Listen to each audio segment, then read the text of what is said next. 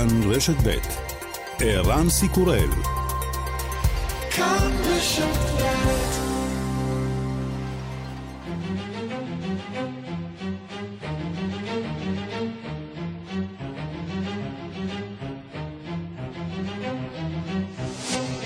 השעה הבינלאומית 18 ביולי 2021 והיום בעולם. השיטפונות בגרמניה. מניין ההרוגים בשיטפונות ממשיך לטפס וכבר מגיע ל-180, אבל מאות עדיין נעדרים. בנורדריין וסטפליה מסיירים חיילים בכבישים המוצפים שהפכו מלכודות מוות, בהם גם הכביש המהיר 265 שנראה יותר כמו נהר מכביש. הצבא מגויס כולו למשימות החילוץ. חיילי הצבא הגרמני עוברים מכונית-מכונית בודקים אם נותרו גופות בכלי הרכב הנטושים. Sind 28 Fahrzeuge gemeldet worden, die unter Wasser liegen sollen oder sollten. Mittlerweile ist es etwas zurückgegangen. Wir haben noch keine Erkenntnisse, ob da Personen eventuell noch drin sind. Wir hoffen, dass alle geschafft haben. יש כאן 28 מכוניות נטושות, מספר על מר מתקה, נציב שירותי הכבאות המקומי. לא ברור אם עדיין יש אנשים במכוניות. אנחנו מקווים שכולם הצליחו להימלט בזמן. קורונה בעולם. Daily cases nationwide are up nearly 70% since last week. States with lower vaccination rates are being hit really hard. הווריאנט ההודי או בשמו הרשמי דלתא ממשיך לחולל שמות ברחבי העולם, בעיקר בקרב לא מחוסנים. בארצות הברית דיווחו אתמול על עלייה של 60% במאומתים בתוך שבוע בלבד. מדינות עם שיעור התחסנות נמוך רושמות עלייה דרמטית בשיעור התחלואה, האשפוז והתמותה. גורמי רפואה בארצות הברית מדגישים, הקורונה אורבת בראש ובראשונה לכל מי שלא חוסן. There is a clear message that is coming through. This is becoming a pandemic of the unvaccinated. We are seeing outbreaks of cases in parts of the country that have low vaccination coverage because unvaccinated people are at risk. עובר כאן מסר ברור, זוהי מגפה של הלא מחוסנים. אנחנו רואים התפרצויות של מקרים במדינות שבהן יש כיסוי חיסוני נמוך, משום שאנשים לא מחוסנים נמצאים יותר בסיכון, אומר דוקטור רושל וולנסקי, ראשת המרכז לבקרת מחלות ומניעתן של ארצות הברית. נשיא ברזיל ז'איר בולסונארו שוחרר מבית החולים, הוא אושפז אחרי שהתלונן על כאבי בטן חזקים ושיהוקים. O nessa início dessa semana foi ainda em função da facada que eu recebi em 2018, a questão de aderência. Quando trava o intestino e a gente אני חש בטוב, הבעיה שסבלתי ממנה בתחילת השבוע נבעה מפצע הדקירה שספגתי ב-2018, שגרם לחסימת מעיים. עמדתי בפני ניתוח, אבל בזכות האל זה לא הכרחי. אני חוזר לעבודה, לחברים ולמשפחה, אומר בולסונארו. מצבו של נשיא ברזיל כמובן טוב יותר מזה של יותר מ-800 בני אדם שמתו אתמול בברזיל מקורונה. במידה רבה בגלל אוזלת ידה של הממשלה. Alright, and this just in, Martine Moïse, the wife of slain Haitian President Jovenel Moïse, is back in Haiti after being treated here in South Florida. סימון מועיז, אלמנתו של נשיא האיטי שנרצח, ז'ובנל מועיז, השתחררה במפתיע מבית החולים במיאמי וחזרה הביתה. עכשיו מהאיטי תנסה לגלות מי רצח את בעלה ומדוע. עד כה עצרה המשטרה 26 אזרחים קולומביאנים ואזרח אמריקני החשודים בביצוע הרצח. וגם... המבוכה של ספייק לי, ראש חבר השופטים בפסטיבל כאן, שחשף את המנצח בפרס דקל הזהב בפסטיבל, הרבה לפני המועד הרשמי. Can you tell me which prize is the first prize? Yes, I can. Mais oui. Cool. The film that won the Palme d'Or is Titan. Wait, wait, wait, Le film qui a reçu la palme d'or. Non. יוצרי טיטן הצטערו מעט פחות גם לנדב לפיד מישראל, במאי הסרט "הברך יש סיבה להתגאות". סרטו זכה בפרס חבר השופטים. כתבנו ידווח מכאן.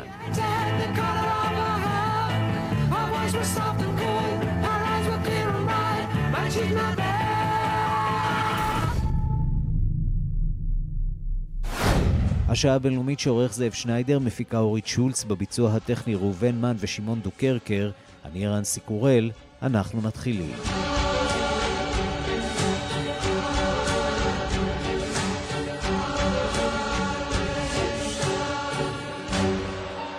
שלום רב לכם, אנחנו פותחים בגרמניה, שם ממשיכים לחפש אחר נעדרים באסון השיטפונות הגדול ביותר שידעה גרמניה בעשורים האחרונים. עד כה מניין ההרוגים עומד על יותר מ-180 בני אדם.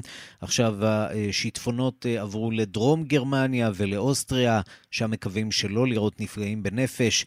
הדיווח של כתבת חדשות החוץ, מאיה רכלין. תושבי המחוזות בבלגיה ובגרמניה שנפגעו מהשיטפונות האחרונים חזרו ביממה האחרונה לזירת האסון והחלו לנקות את השכונות ולראות האם בכלל נותר משהו מבתיהם. הדרכים נהרסו לחלוטין, מתאר פרידריך תושב המקום. Ähm, Autos sind gegen Häuser, in Häuser liegen auf dem Dach. Und es ist einfach schrecklich zu sehen, was hier passiert ist. מכוניות נדחפו נסחפו אל הבתים ואפילו על הגגות. קשה נורא לראות את זה. האנשים כאן איבדו את הבתים שלהם. כמה חסרי אונים אנחנו אל מול הטבע. עד עכשיו מספר ההרוגים עומד על 180 בני אדם, בהם 160 הרוגים רק בגרמניה. אך בינתיים נראה שהמוקד עובר לאוסטריה.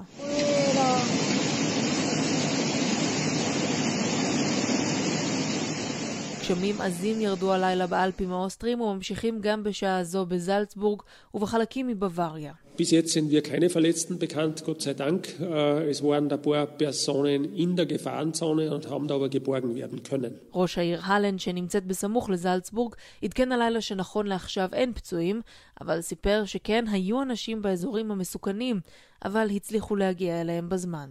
ובעוד הגרמנים ממשיכים בחיפושים אחר מאות נעדרים, בבריטניה מדווחים על שבירת שיא חום בכמה מוקדים בממלכה. בצפון אירלנד יותר מ-31 מעלות אתמול שיא חדש לתקופה הזו של השנה, והצפי הוא שהטמפרטורות רק ימשיכו היום במגמת העלייה.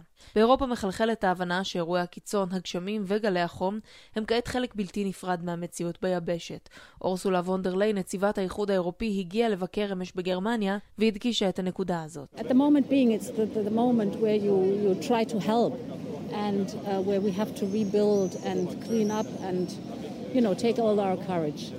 Science tells us that the extreme weather phenomenons uh, will be more often and longer ברגע זה אנחנו מנסים לעזור, חייבים לבנות ולנקות ולהיעזר באומץ, היא אומרת. המדע אומר לנו שתופעות קיצוניות כאלה יהפכו לארוכות ולשכיחות יותר בגלל משבר האקלים. ולכן צריך להתקדם כדי להילחם על סביבה נקייה יותר, בריאה יותר, וכך גם יציבה יותר. שלום לדוקטור אבנר גרוס. צהריים טובים מאוד. מומחה לשינויי אקלים, שינויים סביבתיים גלובליים באוניברסיטת בן גוריון. תשמע, זה מאוד מייאש, הסיפור הזה נראה לפחות על פניו כבלתי הפיך, כיוון שהספינה הזאת, שלכאורה מנסים להסיט אותה לכיוון הנכון, לא זזה במהירות הנחוצה, וזה נראה מאוד מייאש. תראה, קודם כל, כן, צריך להבין ששינויי האקלים, מה שהמדענים כבר התריעו להם עשרות שנים, הם כאן עכשיו, וזה בדיוק האירועים שאנחנו רואים, זה מה שצפינו שיקרה. כל המודלים שלנו הראו את זה, וזה בדיוק מה שקורה היום. להגיד שזה מייאש, אני דווקא לא מסכים, כי אני חושב שבמקרה הזה, אנחנו יודעים בדיוק מה הבעיה, שזה פליטת גזי חממה משרפת דלקים, ואנחנו, מה שבעצם מחמם את האקלים וגורם לאקלים הלא יציב, שאנחנו בעצם נכנסים לעידן הזה, אבל אנחנו גם יודעים איך לפתור את זה. ולכן זה עניין טכנולוגית, אנחנו אפילו גם יכולים לפתור את זה.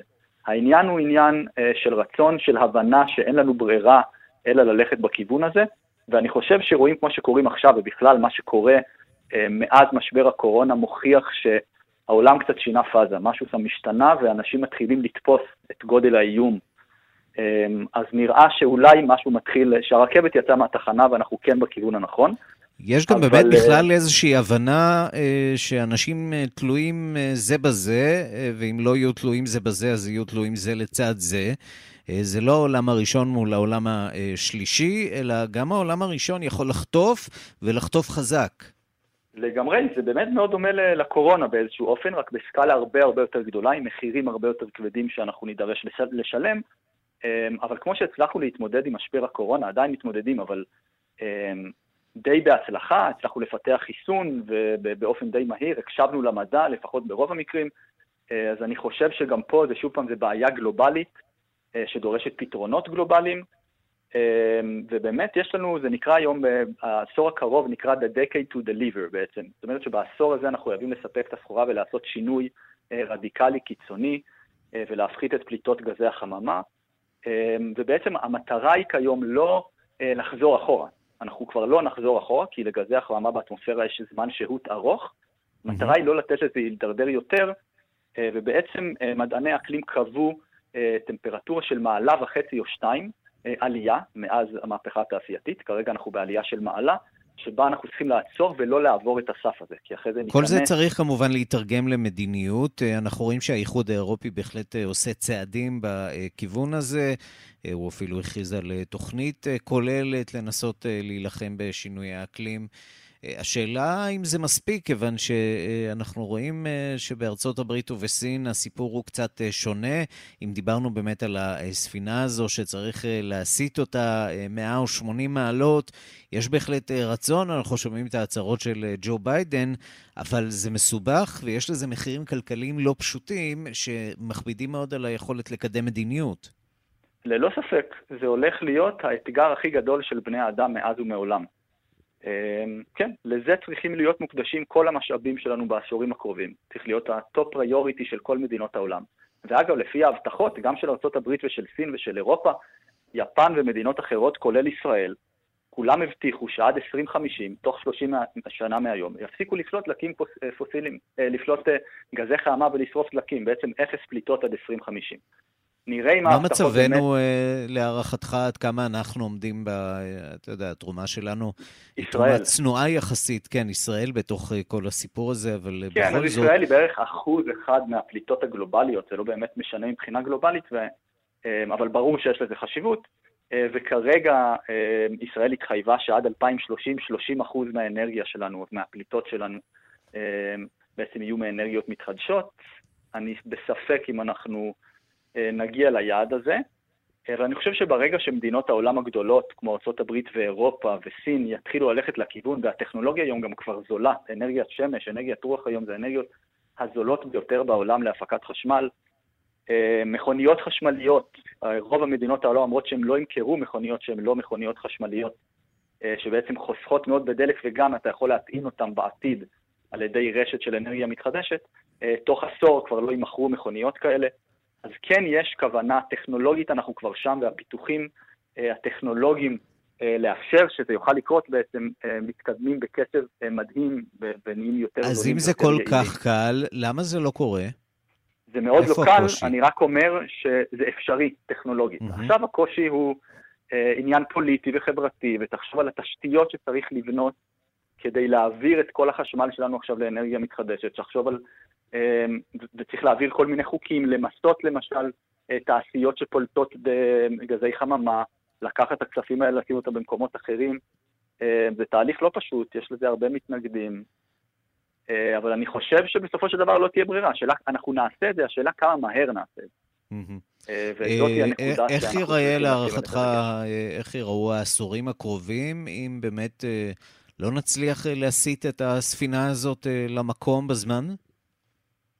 תראה, זו שאלה מאוד מאוד טובה. בעיקרון, אנחנו יכולים להסתכל על תרחיש קיצוני, ללא מדיניות אקלימית כלל, אבל תרחיש כזה כנראה שכבר לא נגיע אליו, כי מתישהו אנחנו כן נתחיל לעשות את הצעדים האלה. אז בתרחיש קיצוני הטמפרטורה העולמית תעלה בממוצע ב-4-5 מעלות. זה אומר, אגב, שישראל, שנמצאת באזור רגיש אקלימית, יכולה לעלות גם ב-8 ו-9 מעלות בסוף המאה.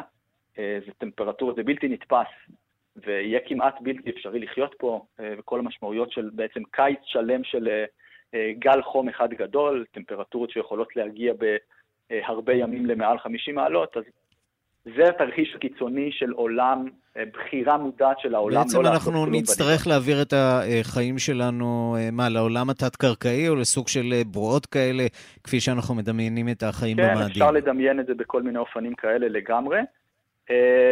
זה לא שניכחד או משהו, אבל לגמרי ישראל הולכת להיות מקום שמאוד מאוד קשה לחיות בו, לגדל בו מזון, כמות האנרגיה והמים שנצטרך היא בלתי נתפסת, אבל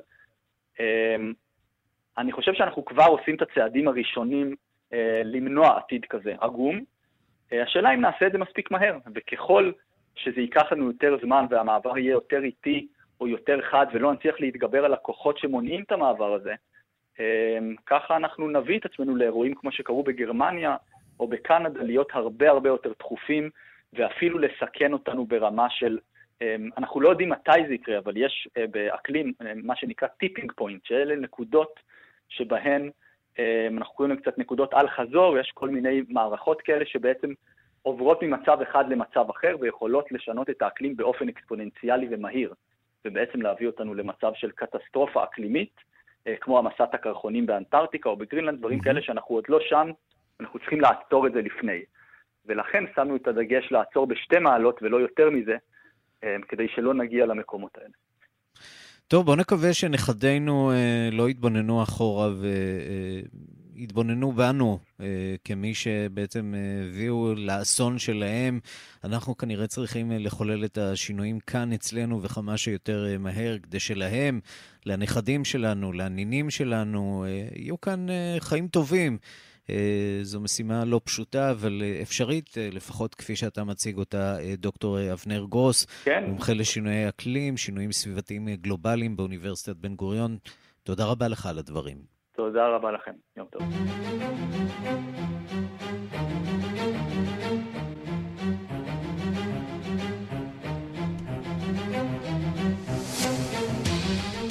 בבריטניה סופרים את השעות להסרת כל הגבלות הקורונה. זה יקרה הלילה בחצות. מי שלא ייהנה מהמהלך ההיסטורי הוא שר הבריאות, שהודיע אתמול, נדבקתי בקורונה, למרות שהוא אה, מחוסן. שלום לקשב תחום החוץ בן יניב. כן, שלום ערן. שר בריאות חדש, נדגיש, אחרי שהשר אה, הקודם נאלץ אה, להתפטר, אה, משום שצולם אה, מנשק כאחת מהעובדות שלו. סיפור ככה די מביך, אבל השר הזה לא קשור לסיפור הזה, וסג'יד ג'אביד, זהו שמו. נכון. הוא כרגע נאלץ להיות בבידוד. כן, ולא רק הוא, באמת, ערן שעות לפני ההסרה המוחלטת של ההגבלות באנגליה, אנחנו מתבשרים כי צמרת הממשלה הבריטית תקבל את היום ההיסטורי הזה כשהיא בבידוד למעשה.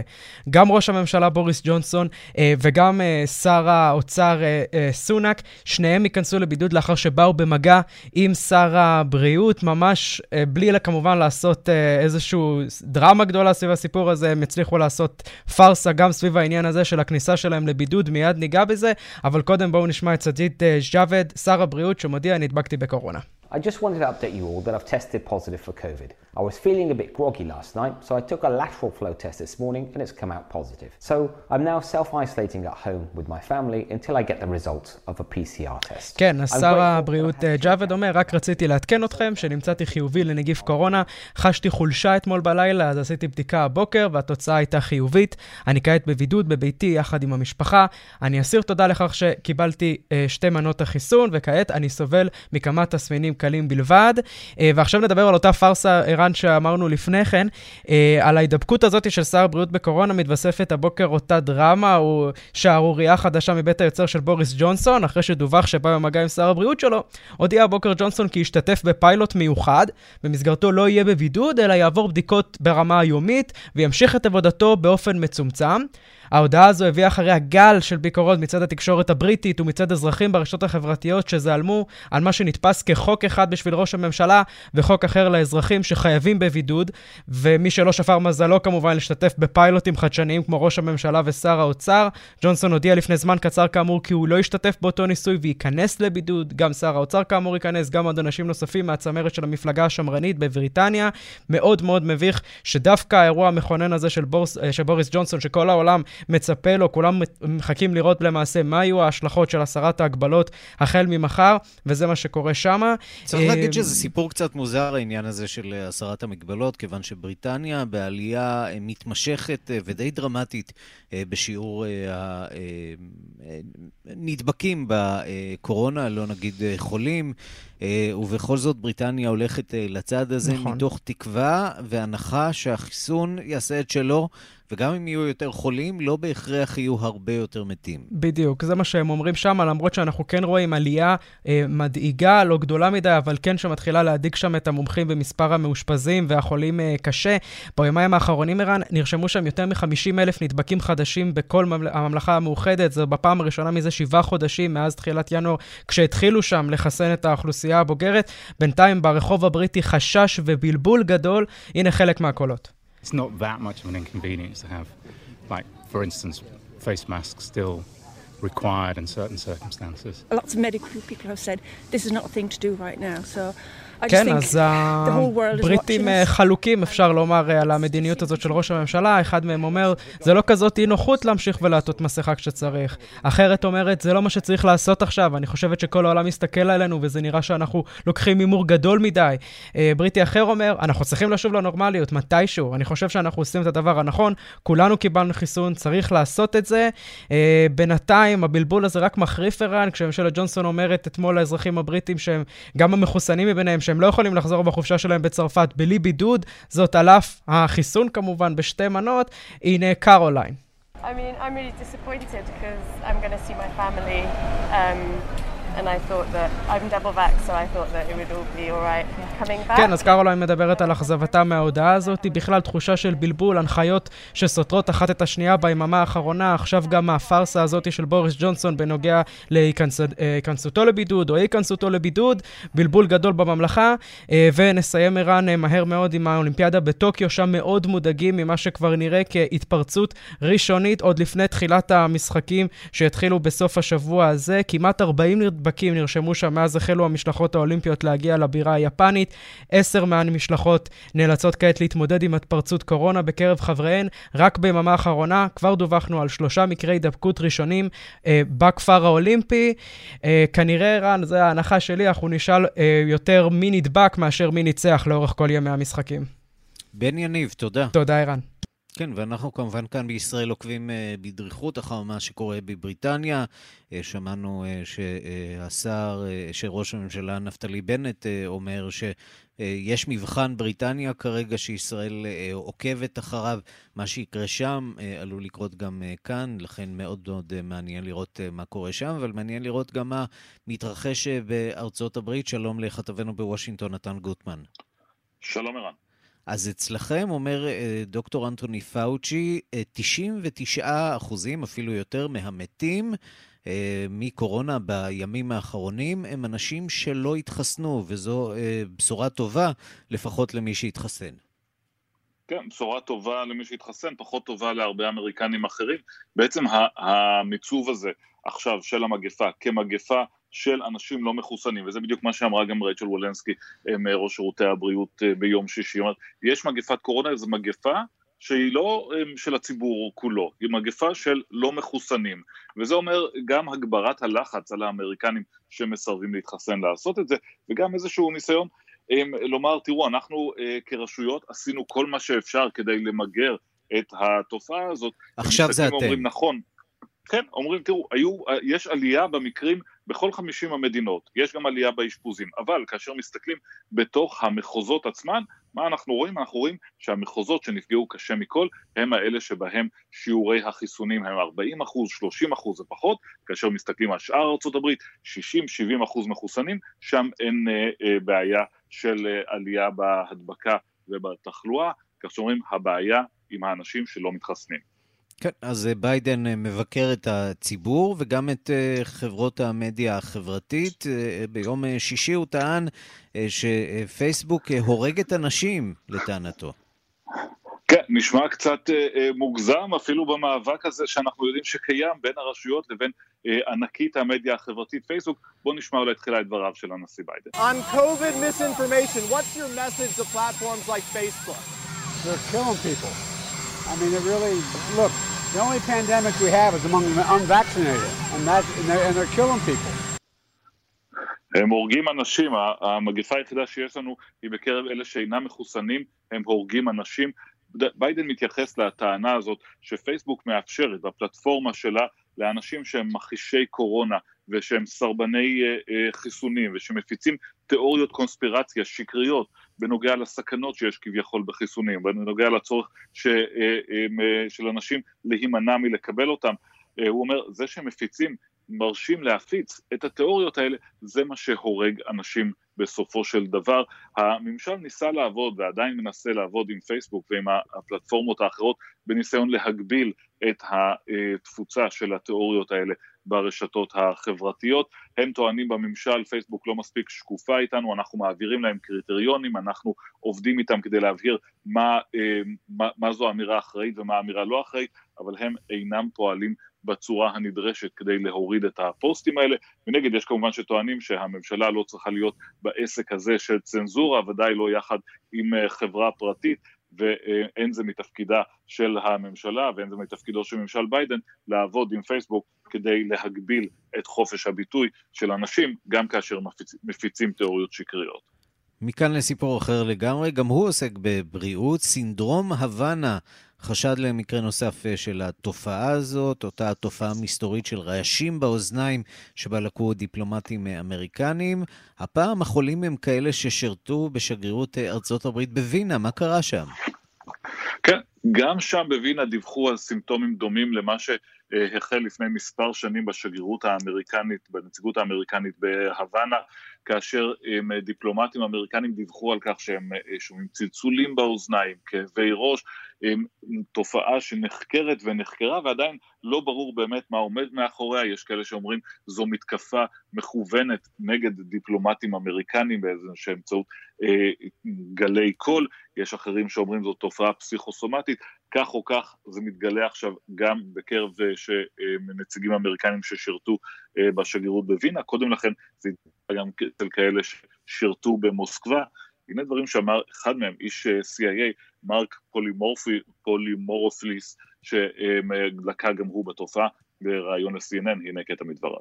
So it started in December of 2017. You know, I was a member of the senior intelligence service at CIA. I made a trip to Moscow to, to see our ambassador at the time, Ambassador Huntsman, as well as to meet with Russian officials. And I woke up, you know, early on in the trip, and it was a five-star hotel room near the embassy, but you know, with an incredible case of, of vertigo. You know, the room was spinning. I had tinnitus ringing in my ears. Uh, you know, a, a brutal headache. Uh, and, and I knew something was seriously wrong. And, you know, by the time I made it back to the States, you know, I, I started off on this, you know, incredible, uh, you know, medical journey where I was seeing doctor after doctor. And by about March and April of 2018, you know, I had lost long distance vision. I had uh, terrible vertigo again uh, and some brain fog. So something, I, I knew something really was wrong. כן, הוא מספר בעצם סיפור שדומה לזה ששמענו מהנציגים בשגרירות האמריקנית בקובה, על כך שלפתע הוא התחיל לשמוע צלצולים, סחרחורות, כאבי ראש, התופעה הזאת לא עזבה אותו, הרופאים, רופא אחר רופא, לא ידעו להצביע על מה מדובר, הוא עדיין סובל מהתופעות האלה. בהחלט סיפור מסתורי שמוסיף להכות, ועדיין אין באמת תשובה טובה לשאלה מה גורם לזה. כן, ונזכיר, הדיפלומטים בווינה הם אלה שאחראים אה, במידה רבה על המשא ומתן אה, בנושא הגרעין עם אה, איראן. זה נכון שזה מתנהל גם דרך השגרירות, יש כמובן נציגות אמריקנית שנוסעת וחוזרת, ייתכן שזה קשור לעניין הזה, ייתכן שזה קשור לאיזושהי התעוררות של מלחמה קרה, ושוב, אנשים באמת לא יודעים, יש גם רופאים שאומרים, תראו, זהו איזשהו צבר של תופעות שלא קשור למשהו חיצוני, אי אפשר לדעת בשלב הזה אה, בוודאות, אבל בהחלט זה משהו שמאוד מפריע לאמריקנים. נתן גוטמן, כתבנו בוושינגטון, תודה. תודה רבה. אנחנו עוברים לחוף המערבי. העלייה במניין הנדבקים בארצות הברית לא פוסחת על קליפורניה, שחגיגה רק לפני חודש את היציאה מהמגפה. מחוז לוס אנג'לס הורה בסוף השבוע על החזרת חובת המסכות במקומות סגורים, החלטה שהכתה בהלם את העסקים והבידור שרק חזרו, ועכשיו הם מקבלים תמיכה מפתיעה מהמשטרה שאומרת לא נאכוף את החוק הזה כי הוא לא נכון. יגאל רביד, שלום לכתבנו בלוס אנג'לס, שלום לך. שלום, שלום ערן. אתה כן. זוכר מקרה זה... כזה שבו השריף בכבודו ובעצמו אה, מסרב לציית אה, לחוק? אה, אפשר להניח שהיו מקרים כאלה בתקופת המערב הפרוע, פחות במאה ה-21. טוב, מסתבר שהמערב הוא עדיין פרוע, אם אני לוקח mm-hmm. את זה מהמקום שבו אתה מציג את הדברים. אבל כן, נראה לי מדובר בדרמה משפטית, פוליטית, חוקתית, אנושית, דרמה שאני לא, לא זוכר כמוה, אבל תזכור שם אחד.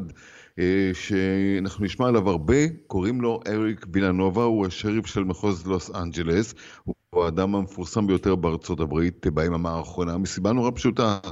לפני שלושה ימים התכתבנו, אתה ואני בלילה, סיפרתי לך על ההחלטה המפתיעה של מחוז לוס אנג'לס, היחיד בינתיים בכל מחוזות קליפורניה, שהחליט על החזרת חובת מסכות בכל החללים הסגורים ללא יוצא מהכלל, בכל שעות היממה, בכל מקום.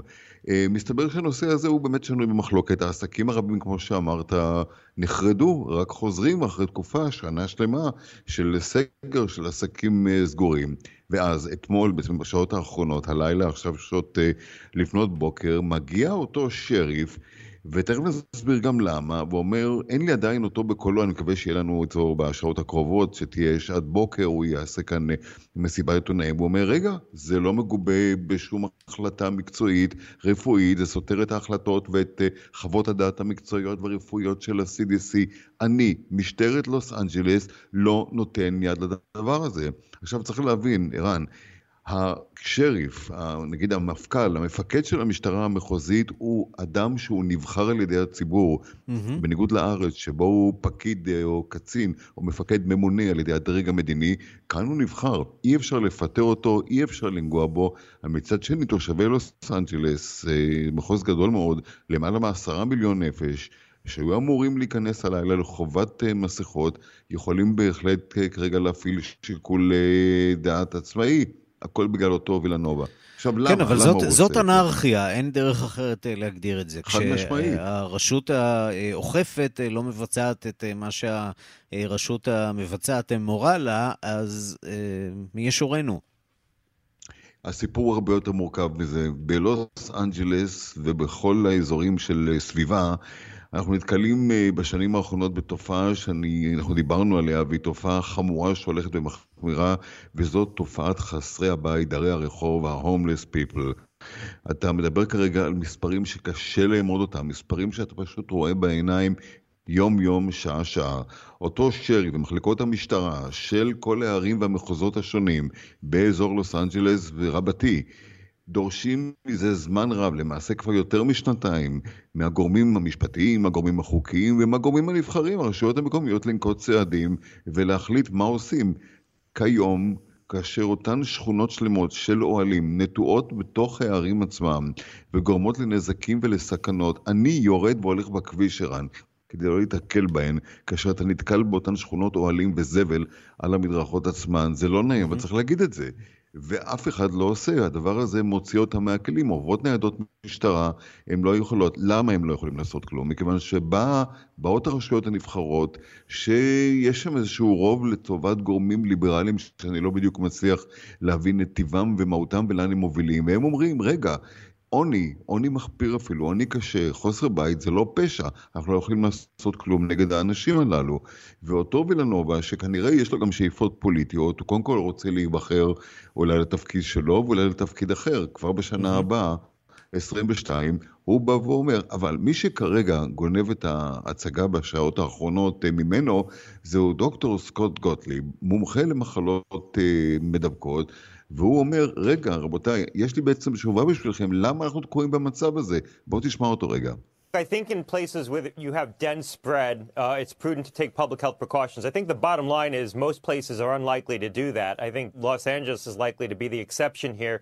And most of the spread that we're going to see over the next couple of months is going to be against the backdrop of no public health precautions very limited precautions. So I think individuals in these hotspots around the country who are vulnerable are going to have to take measures into their own hands and take precautions if they think that they're at risk. Because a lot of the spread is happening in states that have already affirmed that they're not going to go back to mandates, they're not going to go back to uh, mask mandates or any kind כן, of ordinance. אומר דוקטור סקוט גוטליב, שבאים ושואלים אותו מה עושים, אין ברירה, אנחנו צריכים לקחת את החוק לידיים, וזה למה?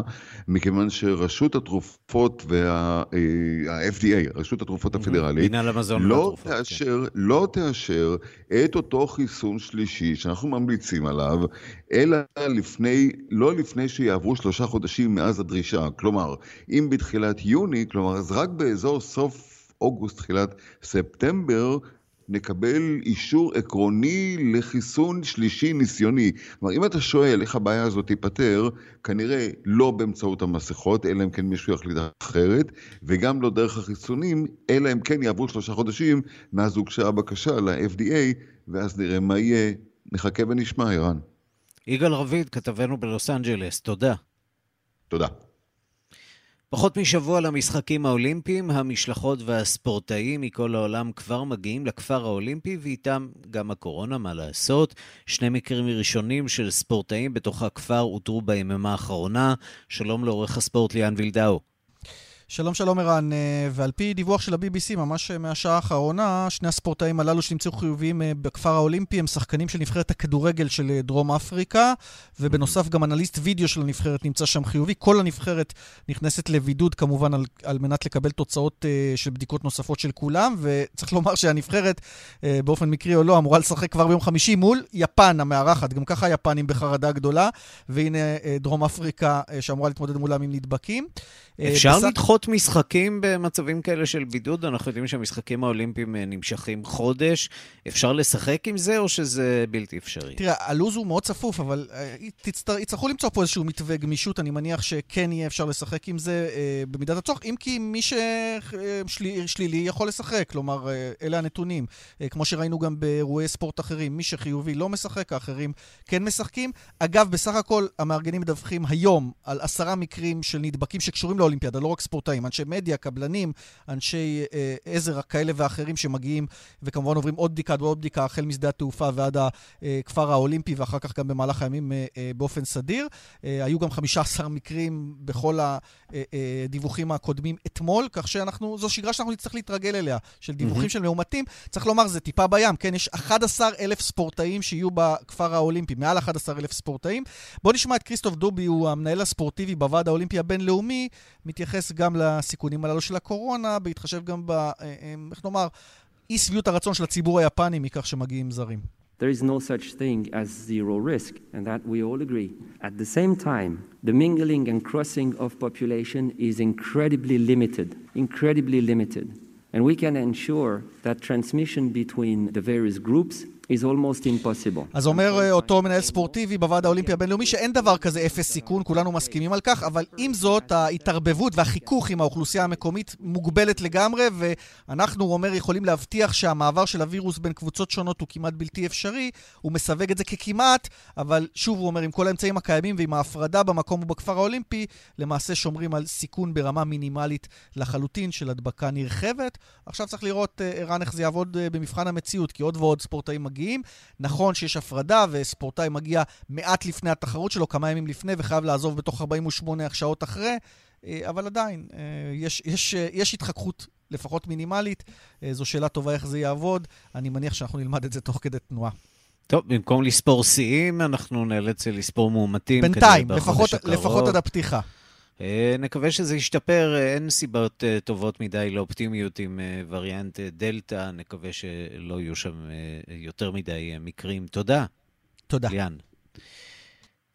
אנחנו מכאן...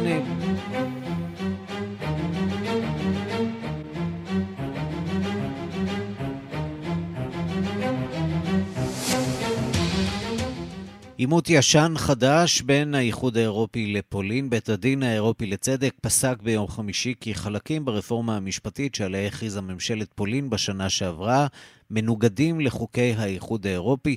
בתגובה דחו ממשלת פולין ונשיאת בית המשפט העליון הפולני את הפסיקה, והודיעו כי אין להם שום כוונה למלא אחר הוראות בית המשפט האירופי. כיצד הסתיים העימות הזה? הנה דיווחו של כתבנו במזרח אירופה, ניסן צור.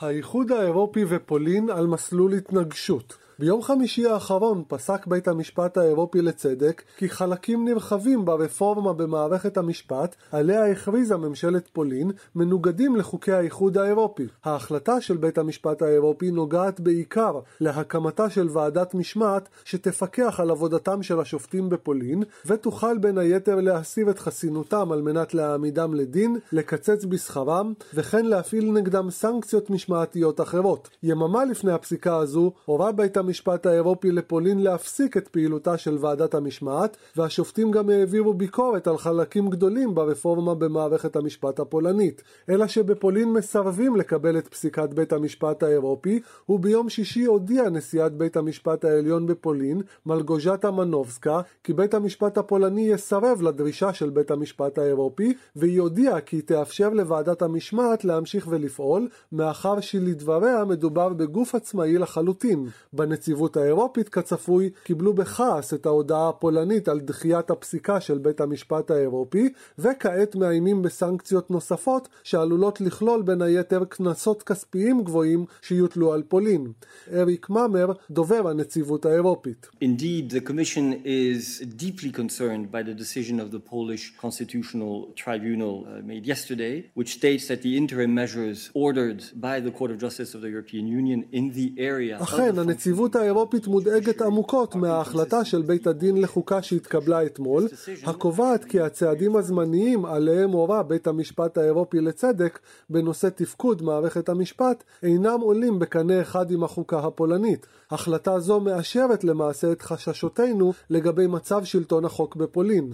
הוועדה תמיד הייתה מאוד ברורה בעניין הזה, ומאשרת פעם נוספת כי לחוקי האיחוד האירופי יש עדיפות על החוק הלאומי. כל ההחלטות של בית המשפט האירופי לצדק, כולל צווים זמניים, מחייבות את המדינות החברות, את הרשויות ואת בתי המשפט הלאומיים. אלא שבפולין, שם כבר נשמעות קריאות בחודשים האחרונים מצד גורמים פוליטיים לבצע Polexit ולפרוש מהאיחוד האירופי, מסרבים להתרגש מהביקורת ומאיימים בסנקציות נוספות, וטוענים כי החוקה הפולנית גוברת בתחומים שונים על חוקי האיחוד האירופי, ולכן אין לממשלת פולין שום כוונה להיענות לפסיקת בית המשפט האירופי לצדק. שר המשפטים הפולני, זביגנייב ז'יוברו, satysfakcją przyjąć orzeczenie Polskiego Trybunału Konstytucyjnego, który stanął na gruncie ochrony polskiego porządku konstytucyjnego przed bezprawną ingerencją, uzurpacją i prawną... אני מקבל את פסק הדין של בית הדין לחוקה בפולין בסיפוק רב. הפסיקה הגנה על הסדר החוקתי בפולין מפני התערבות בלתי חוקית, השתלטות ותוקפנות משפטית של מוסדות האיחוד האירופי, המנסים להשעות את המוסדות החוקתיים של פולין בלי כל בסיס חוקי.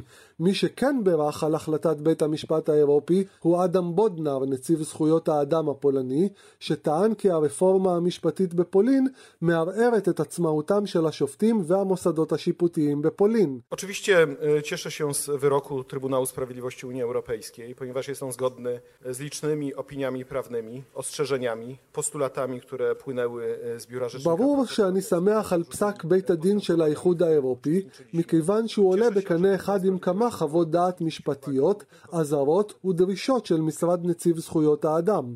אני שמח שבית המשפט לצדק של האיחוד האירופי הפנה את תשומת הלב לא רק לוועדת המשמעת בבית המשפט העליון עצמו, אלא למערכת המשפט של השופטים כולה, שמערערת את עצמאותם של השופטים ואת עצמאותה של הרשות השופטת. מלבד העימות הנוכחי סביב הרפורמה המשפטית, הודיעה הנציבות האירופית בשבוע שעבר על פתיחת הליכים משפטיים כנגד פולין והונגריה, בטענה כי הן פוגעות בזכויות קהילת הלהט"ב. נגד הונגריה נטען כי החוק האוסר על הצגת תכנים הומוסקסואליים או טרנסג'נדרים בפני קטינים, פוגעת בחופש הביטוי והמידע, וההליך המשפטי נגד פולין נפתח לאחר שלטענת הנציבות האירופית, הרשויות בפולין סירבו לשתף פעולה ולס... לספק מידע לאיחוד האירופי לאחר שכמה עיירות בפולין הכריזו על עצמן כאזורים חופשיים מקהילת הלהט"ב. ניסן צור, פולין. כוחות נאט"ו ממשיכים לצאת מאפגניסטן ובמדינה כבר שורר כאוס, חיילים ואזרחים נוטשים ובורחים מחשש של השתלטות של הטליבן על אזורים שהיו בשליטת האמריקנים ובקטאר יושבים כעת הטליבן והממשל האפגני לשיחות משא ומתן. שלום לאלוף משנה במילואים דוקטור שאול שי. שלום. מהמכון למדיניות נגד טרור במרכז הבינתחומי בהרצליה. האמריקנים יוצאים ולא נראה שיש, שמשאירים מי יודע מה אדמה אחריהם, זה נראה כמו אדמה חרוכה. אני מסכים לתיאור, ואכן זאת מציאות מאוד מצערת, ש-20 שנות לחימה זה השקעה אמריקאית גם אה, אבדות בנפש וגם אה, במאות מיליארדי דולרים, בסופו של דבר, לאחר 20 שנה, כנראה שבתוך זמן קצר נראה את הטליבן חוזר לשלטון באפגניסטן. אז מה הטעם בעצם לקיים משא ומתן בקטאר בין הטליבן לממשל האפגני? האמת היא שמבחינת הטליבן די ברור שזה איזשהו מהלך שהוא נגזרת מההסכם שהיה בינם לבין האמריקאים לגבי נסיגת הכוחות של ארצות הברית ונאט"ו, אז הם עומדים בהסכם ודנים, אבל למעשה בפועל במקביל נמשכת הלחימה באפגניסטן, וכיום בעצם השאלה היא האם הטליבן כבר שולט ב-85% מהמחוזות של אפגניסטן, או פחות מזה, לא שזה מאוד משנה. נדמה לי שהממשלה שארצות הברית הקימה באפגניסטן, זמנה הולך ואוזל, ודי ברור שמוקדם יותר או מאוחר יותר נראה שוב את הטליבן בשלטון. או במילים אחרות, יכול להיות שביום השנה לאירוע של הפיגוע ב-11 בספטמבר, יום השנה ה-20, נראה שוב את הטליבן חוגג ברחובות כבול, וזו תמונה שוודאי לא ישמחו לראות בארצות הברית. לא, אני חושב שהטליבן אה, זהיר דיו ולא ינסה ליצור איזושהי פרובוקציה קיצונית מדי, יש לה סבלנות. אה, הוא נלחם כבר מ-2001 לסילוק כוחות נאט"ו בארצות הברית, ולכן גם אם ב... באותו מועד עדיין יהיה איזשהו ממשל משותף או כל וריאציה שהיא שיסכימו עליה, בסופו של התהליך הזה הם יחזרו לכאבול. האם טליבן של היום זה אותו טליבן של 2001, שמשתף פעולה באופן הדוק עם אל-קאעידה, בעל שאיפות התפשטות עולמית, או שאנחנו מדברים פה על ארגון אחר שמרוכז בעיקר באינטרסים הפנימיים של השתלטות על אפגניסטן? אני חושב שגם ב-2001 לטליבן אף פעם לא היו יומרות דוגמת דאעש או אל-קאעידה של ג'יהאד עולמי וחליפות עולמית. Uh, הטליבן הוא ארגון uh, אזורי, יש טליבן uh, באפגניסטן. 20 השנים האלה הספיקו להקמת טליבן חזק מאוד בפקיסטן השכנה, והקשרים עם אל-קאעידה הם אכן טובים. אחד הקלפים שבהם משתמשים הטליבן, מתוך מה שלמדו, שעובד זה האיום של המדינה האסלאמית, ובעצם בימים אלה הייתה משלחת טליבן במוסקבה, שבאו להסביר לרוסים שבעצם הטליבן הוא חלק מהצד הנכון של המשוואה, והוא נאבק בניסיונות של המדינה האסלאמית להכות שורשים באפגניסטן. כך שמבחינת הטליבן, צריך לזכור, זה משטר אסלאמי אכזרי שמאוד מאוד דומה במאפייניו למדינה האסלאמית. Mm-hmm. הוא בהחלט יצר שיתופי פעולה עם הרבה ארגוני טרור אסלאמיים קיצוניים, כולל המשך הקשרים עם, עם אל-קאעידה. ואם יחזור לשלטון, כפי שאמרתי, אנחנו צריכים לצפות שאפגניסטן תשוב להיות חממה לגבי לפחות חלק מהארגונים האלה. כן, וזה כמובן מדאיג לא רק, לא רק את ארצות הברית, אלא גם את סין השכנה וגם את רוסיה. אבל אנחנו נסתפק בדברים האלה. דוקטור שאול שי מהמכון למדיניות נגד טרור במרכז הבינתחומי בהרצליה, תודה רבה לך. תודה. ובאיטליה מציג בימים אלה האומן מאוריציו קטלן את אובליסק, ספטמבר, 11 בספטמבר, יצירה שמאזכרת את אסון התאומים, אבל גם מזהירה בפני יהירותו של האדם והישנותו של אסון דומה. שלום לחוקרת התרבות מירי קרימולובסקי. שלום, שלום ערן. למה באיטליה? אז אני רק אזכיר מי זה מאוריציו קטלן, אומנם אה, השם שלו הוא שם איטלקי, אבל חי ופועל בארצות הברית. זה האיש שדיווחנו על בית השימוש מזהב שלו, שהוא העניק אותו, אפשר לומר, מה זה דיווחנו על? את דיווחת מבית השימוש. דיווחתי מבית השימוש, נכון? אגב, לפני כשנה הייתה עוד פרובוקציה שלו, כאשר באחד מירידי האומנות הוא הדביק קליפה של בננה עם masking tape, מישהו אכל את הבננה, ובכל זאת אחר כך זה נמכר ב-120 אלף דולר. אה, הוא אוהב פרובוקציות, אבל פרובוקציות שיש להן מה לומר על הדבר הזה. כשהוא עושה את הבית שימוש שקורא לו אמריקה מזהב, הוא מדבר כמובן על טראמפ של, או על אמריקה של טראמפ, והפעם זהו אובליסק ענק, אני אזכיר שאובליסק ממצרים דרך פריז הוא מין אה, עמוד ניצחון של האדם על חוכמת האדם, על הישגי האדם, אבל בתוך האובליסק יש מטוס שהוא בעצם יצוק בתוך החומר השחור והוא חלק ממנו.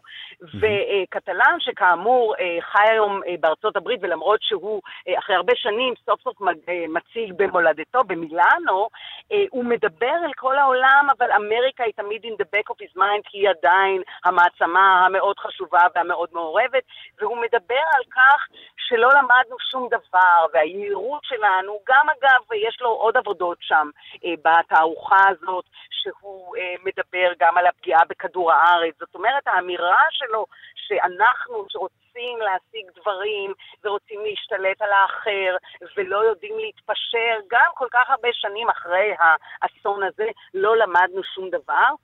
והאמירה הזאת בעצם מחזירה אותנו לאירוע הכל כך קשה הזה, שהנה עכשיו בכתבה לפניי דיברנו על כך שהסכנה לא נגמרה כמו שאנחנו חושבים, והוא בעצם מנסה להאיר את העולם, דרך האומנות זה קצת נאיבי אולי, ובכל זאת, אה, ונזכיר שוב שהוא אה, אומן מאוד מפורסם ומאוד ידוע ומקובל בעולם.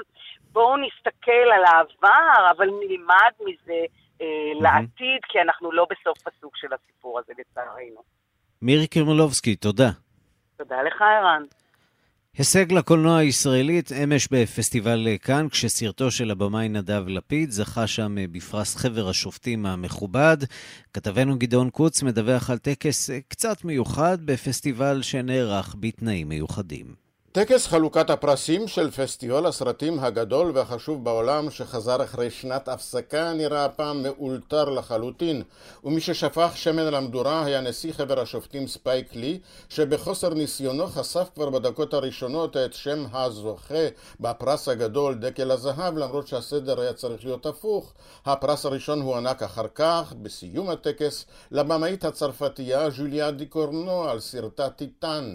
בז'אנר סרטי האימים שנים על אב שמחפש את בנו שנעלם לפני שנים ונתקל ברוצחת מוטנטית מטורפת עם חלקי טיטניום בגופה. מעולם לא ראיתי מישהי שנכנסת להיריון ממכונית, אמר ספייק לי בהתפעלות כשתירץ את מתן הפרס לאישה השנייה שזכתה בו אי פעם על ידי שרון סטון הוותיקה. אבל אנחנו חיכינו כמובן לבשורות טובות מהסרט הישראלי ואלה הגיעו עם הענקת פרס חבר השופטים השלישי בחשיבותו לסרטו של נדב לפיד, הברך, על במאי קולנוע המתמודד עם לחצי הממסד וגסיסתה של אמו שהייתה שותפה לכתיבת התסריט.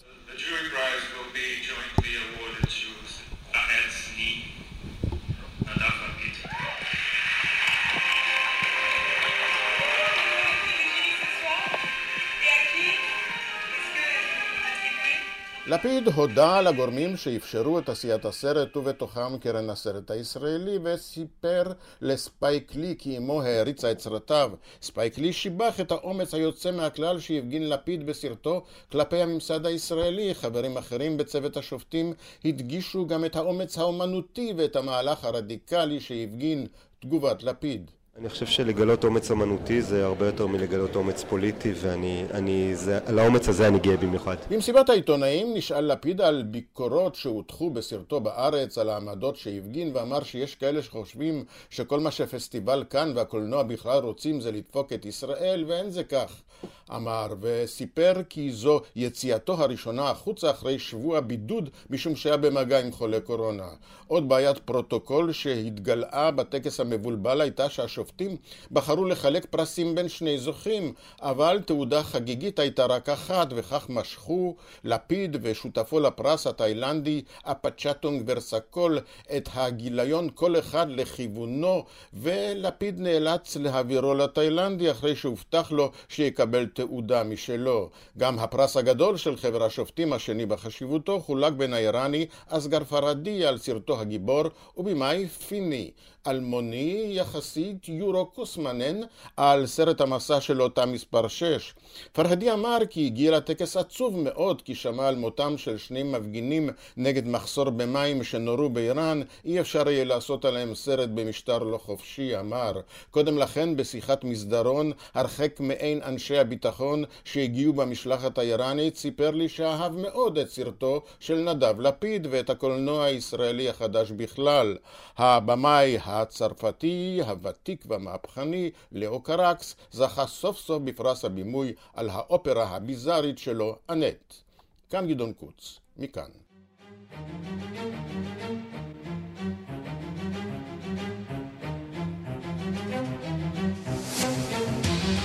עד כאן השעה הבינלאומית, מהדורת יום ראשון, שערך זאב שניידר, המפיקה אורית שולס, הטכנאים ראובן מן ושמעון דוקרקר, אני רנסי קורל, מיד אחרינו רגעי קסם עם גדי לבנה. אנחנו נפגשים שוב מחר בשתיים בצהריים עם מהדורה חדשה של השעה הבינלאומית, ועד אז המשיכו להתעדכן 24 שעות ביממה ביישומון של כאן, שם תוכלו למצוא את כל הדיווחים, הפרשנויות, הכתבות, מהדורות הרדיו והטלוויזיה בשידור חי. גם דף הפייסבוק של כאן ב' מחכה לכם אה, עם תגובות אה, ותכנים נוספים אה, של כאן רשת ב'. כתובת הדואר האלקטרוני שלנו, בינלאומית, את כאן.org.il. להתראות.